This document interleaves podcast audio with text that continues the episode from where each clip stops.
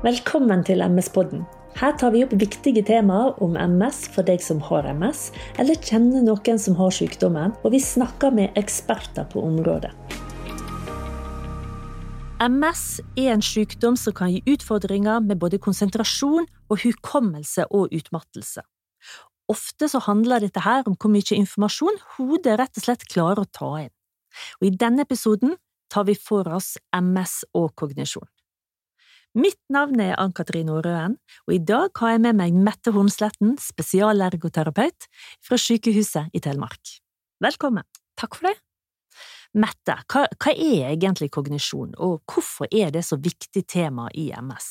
Mm, veldig, veldig kort forklart så handler kognisjon om hvordan vi fanger opp og bearbeider informasjon og sanseinntrykk, eh, og hvordan vi responderer på den informasjonen. Det er alt som har med tenkning og læring å gjøre. Orienteringsevne, språk og kommunikasjon, regulering av følelser og atferd. MS påvirker jo eh, hjernen, og kan dermed også påvirke de mentale prosessene som vi snakker om her, da. Som oftest så er det snakk om lette til moderate vansker, men allikevel så kan det få noen konsekvenser for, for jobb eller skole og privatliv. Vil du si du at dette med kognisjon er ganske sånn sammensatt? Det er veldig sammensatt, dette her. Ehm, og det, sånne ting som smerter og søvn og stress, blant annet, kan, kan påvirke det. Og så rammer jo kognitive vansker veldig ulikt eh, i forhold til hvilken livssituasjon man er i. Om man har ansvar for små barn, eller bare har seg sjøl å ta hensyn til. I tillegg så henger de ulike kognitive funksjonene sammen, eh, og kan påvirke hverandre. Eh, på hvilken måte da? Nei, hukommelsen kan være redusert. Det er jo ikke så uvanlig. Eh, men det kan også være oppmerksomheten som er påvirka.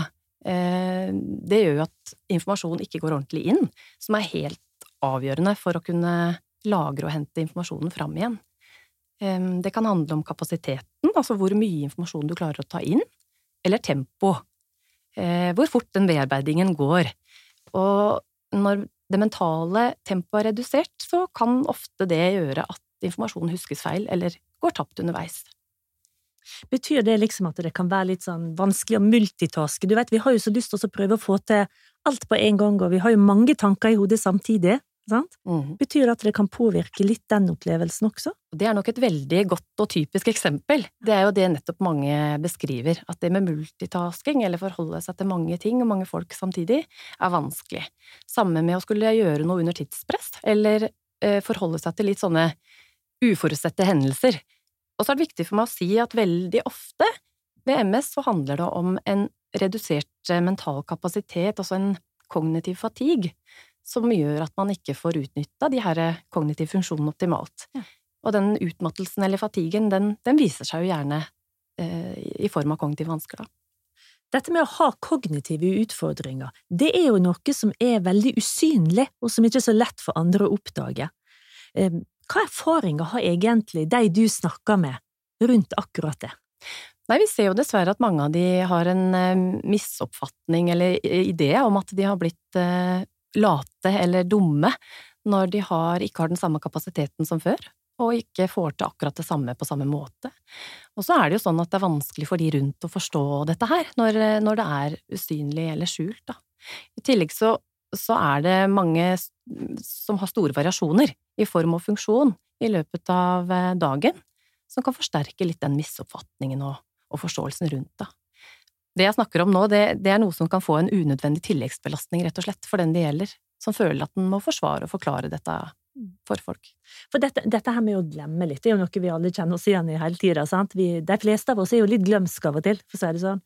Um, hvordan er det da forskjell, hvordan kan en vite om det handler om MS-en, eller om det er rett og slett denne her normale glemskheten som slår inn? Nei, det er jo veldig vanskelig å skille på. Så de rådene vi skal komme inn på nå seinere, er jo veldig aktuelle for alle, uavhengig av utfordringer, tenker jeg, mm. og for deg og meg. Så det er vanskelig å skille på det, men en forskjell er jo at man um, kanskje opplever i større grad enn før, eh, og litt hyppigere. Er det noe dere tester for å finne ut? Det kan vi gjøre. Eh, selv om mange beskriver det godt sjøl, hvor utfordringene ligger, så kan det være godt å få hjelp til å kartlegge det litt, kanskje gjøre noen tester for å se hvor problemene ligger hen.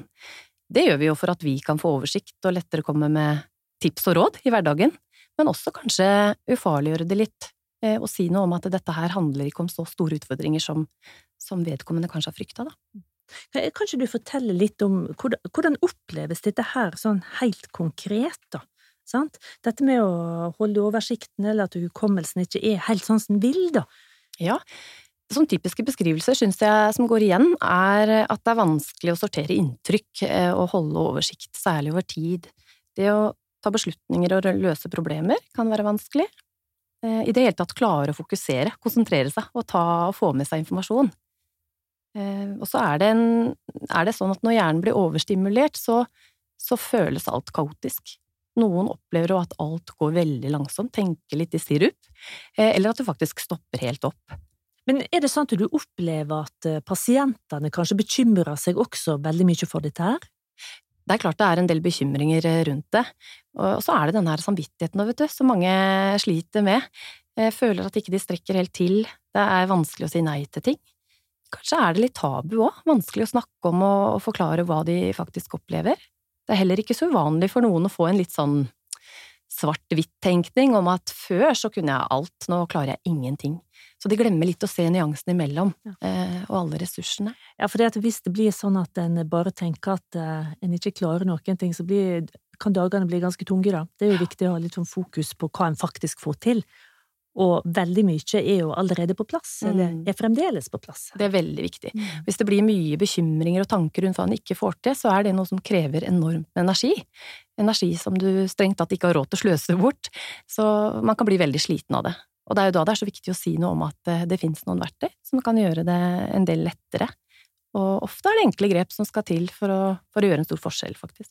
Ja, for dette livet er jo ganske sammensatt. Altså det er jo jobb, og det er studier, og det er familie og venner, og en skal ta vare på seg, litt på seg sjøl også oppi alt sammen.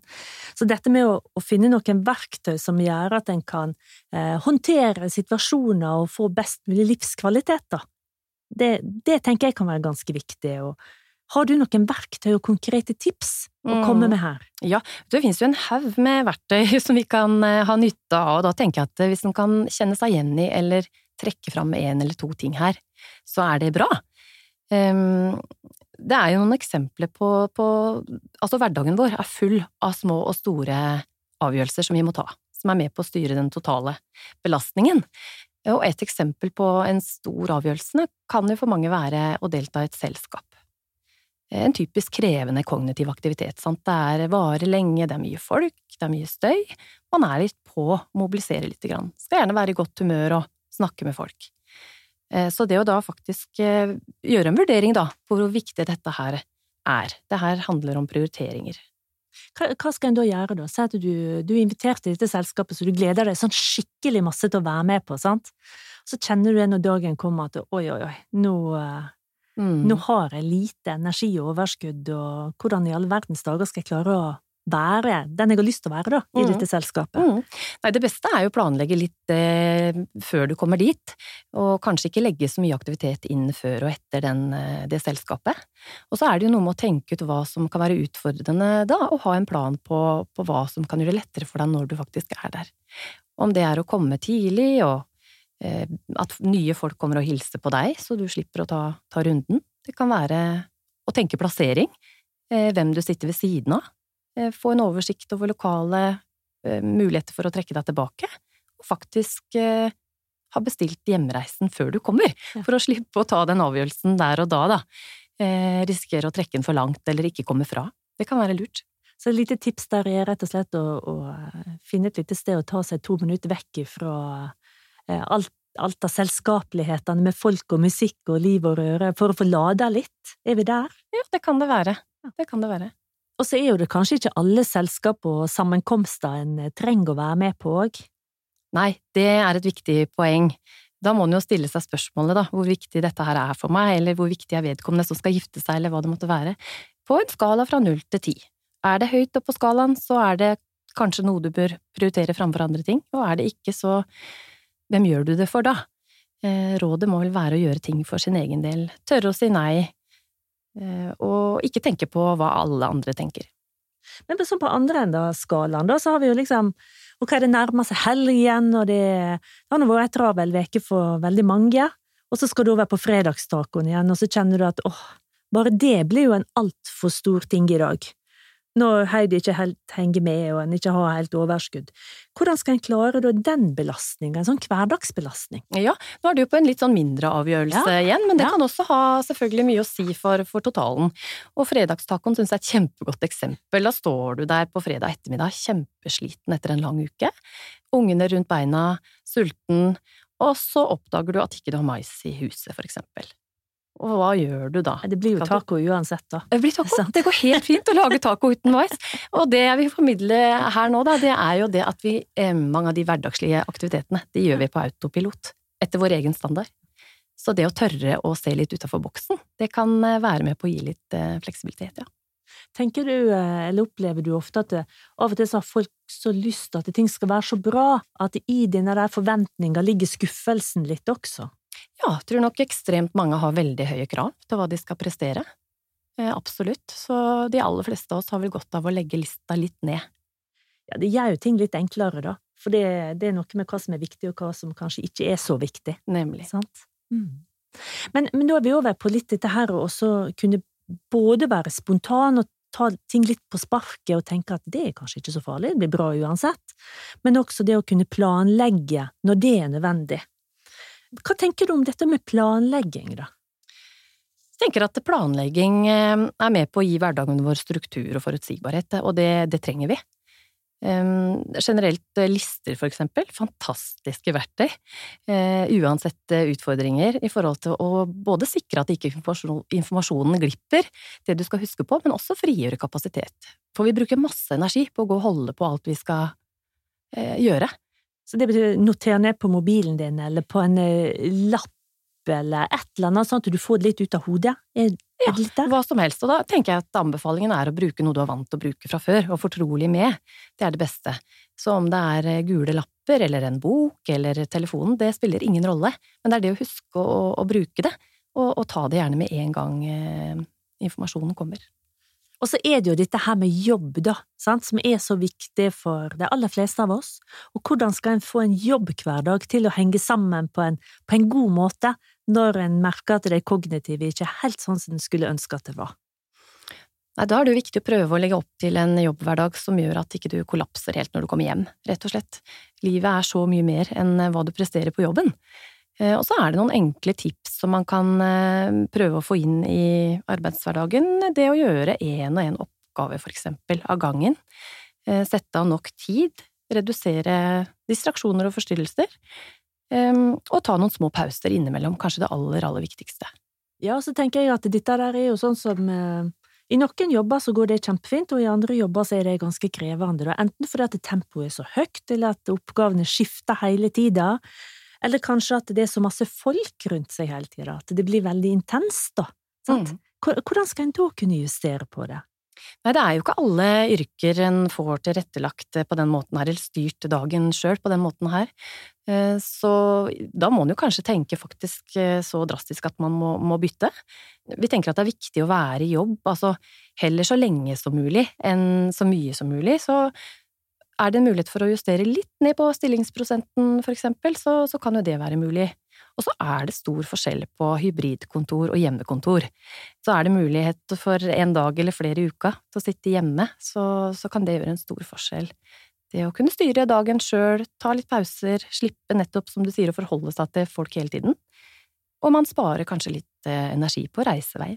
Og det å ha noen ørepropper som kan stenge ut litt lyd av og til, er også et godt tips. Sant? Det går også an. Ja. Dempe litt sånn støydemping i perioder hvor det er helt nødvendig. For vi, vi, tar jo inn veldig mye impulser fra omgivelsene våre, uansett hva vi holder på med, da, sant? Både, både hvordan vi oppfanger lyd og lys og inntrykk hele tida. Er det noe vi på en måte kan gjøre som gjør at eh, dette veldige inntrykket roer seg litt? Ja, jeg tenker mye av de inntrykka som vi tar inn, kommer gjennom synet vårt, så det å, kan godt være at jeg provoserer noen eh, litt nå ved å si at eh, rydd opp, eh, men det å ha litt orden på arbeidspulten, også hjemme, kan, kan bidra med å sortere litt inntrykk. De tinga du bruker ofte lett tilgjengelig, kun det du har behov for, framme, faste plasser. Kan være lurt. Rett og slett begrense inntrykk. Begrense inntrykk. Ja, og så er det jo sånn at med den fatigen, eller nedsatte kapasiteten, så er det noen som opplever oversensitivitet for, for lyd og lys, og da går det an å, å skjerme seg enten med, med briller eller propper, da.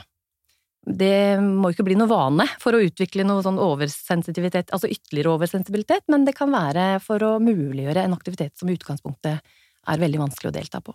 Eller hvis man skal fokusere på en oppgave. Men du Mette, hvis du skal gi noen sånne konkrete anbefalinger, hva ville det være?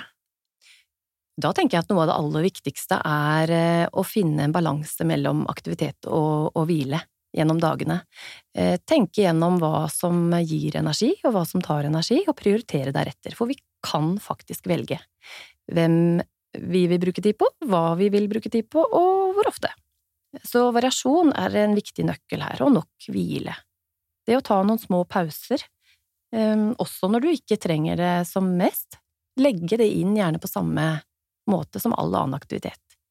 Og pause, det trenger jo ikke nødvendigvis å bety fullstendig fravær av aktivitet. Det kan være å, å, gå fra det du holder på med, til å, å gjøre noe annet. Og resette systemet litt, rett og slett. Og så er det et viktig råd det å være åpen og snakke med de du har rundt, for vi vet at eh, støtte fra de, de nære og kjære har mye å si for håndtering av utfordringer. Eh, og det samme gjelder tro på egen mestring. Så det å være sin egen støttespiller og, og heiagjeng, det, det er viktig. Så vet vi jo òg, i forhold til fysisk aktivitet, tilpassa fysisk aktivitet er så bra for helsa vår, også for, for hjernehelsa. Så bra. Tusen, tusen takk, Mette. Dette var veldig gode råd og tips som jeg tror mange har bruk for. Takk for at du kom til oss. Tusen takk for meg.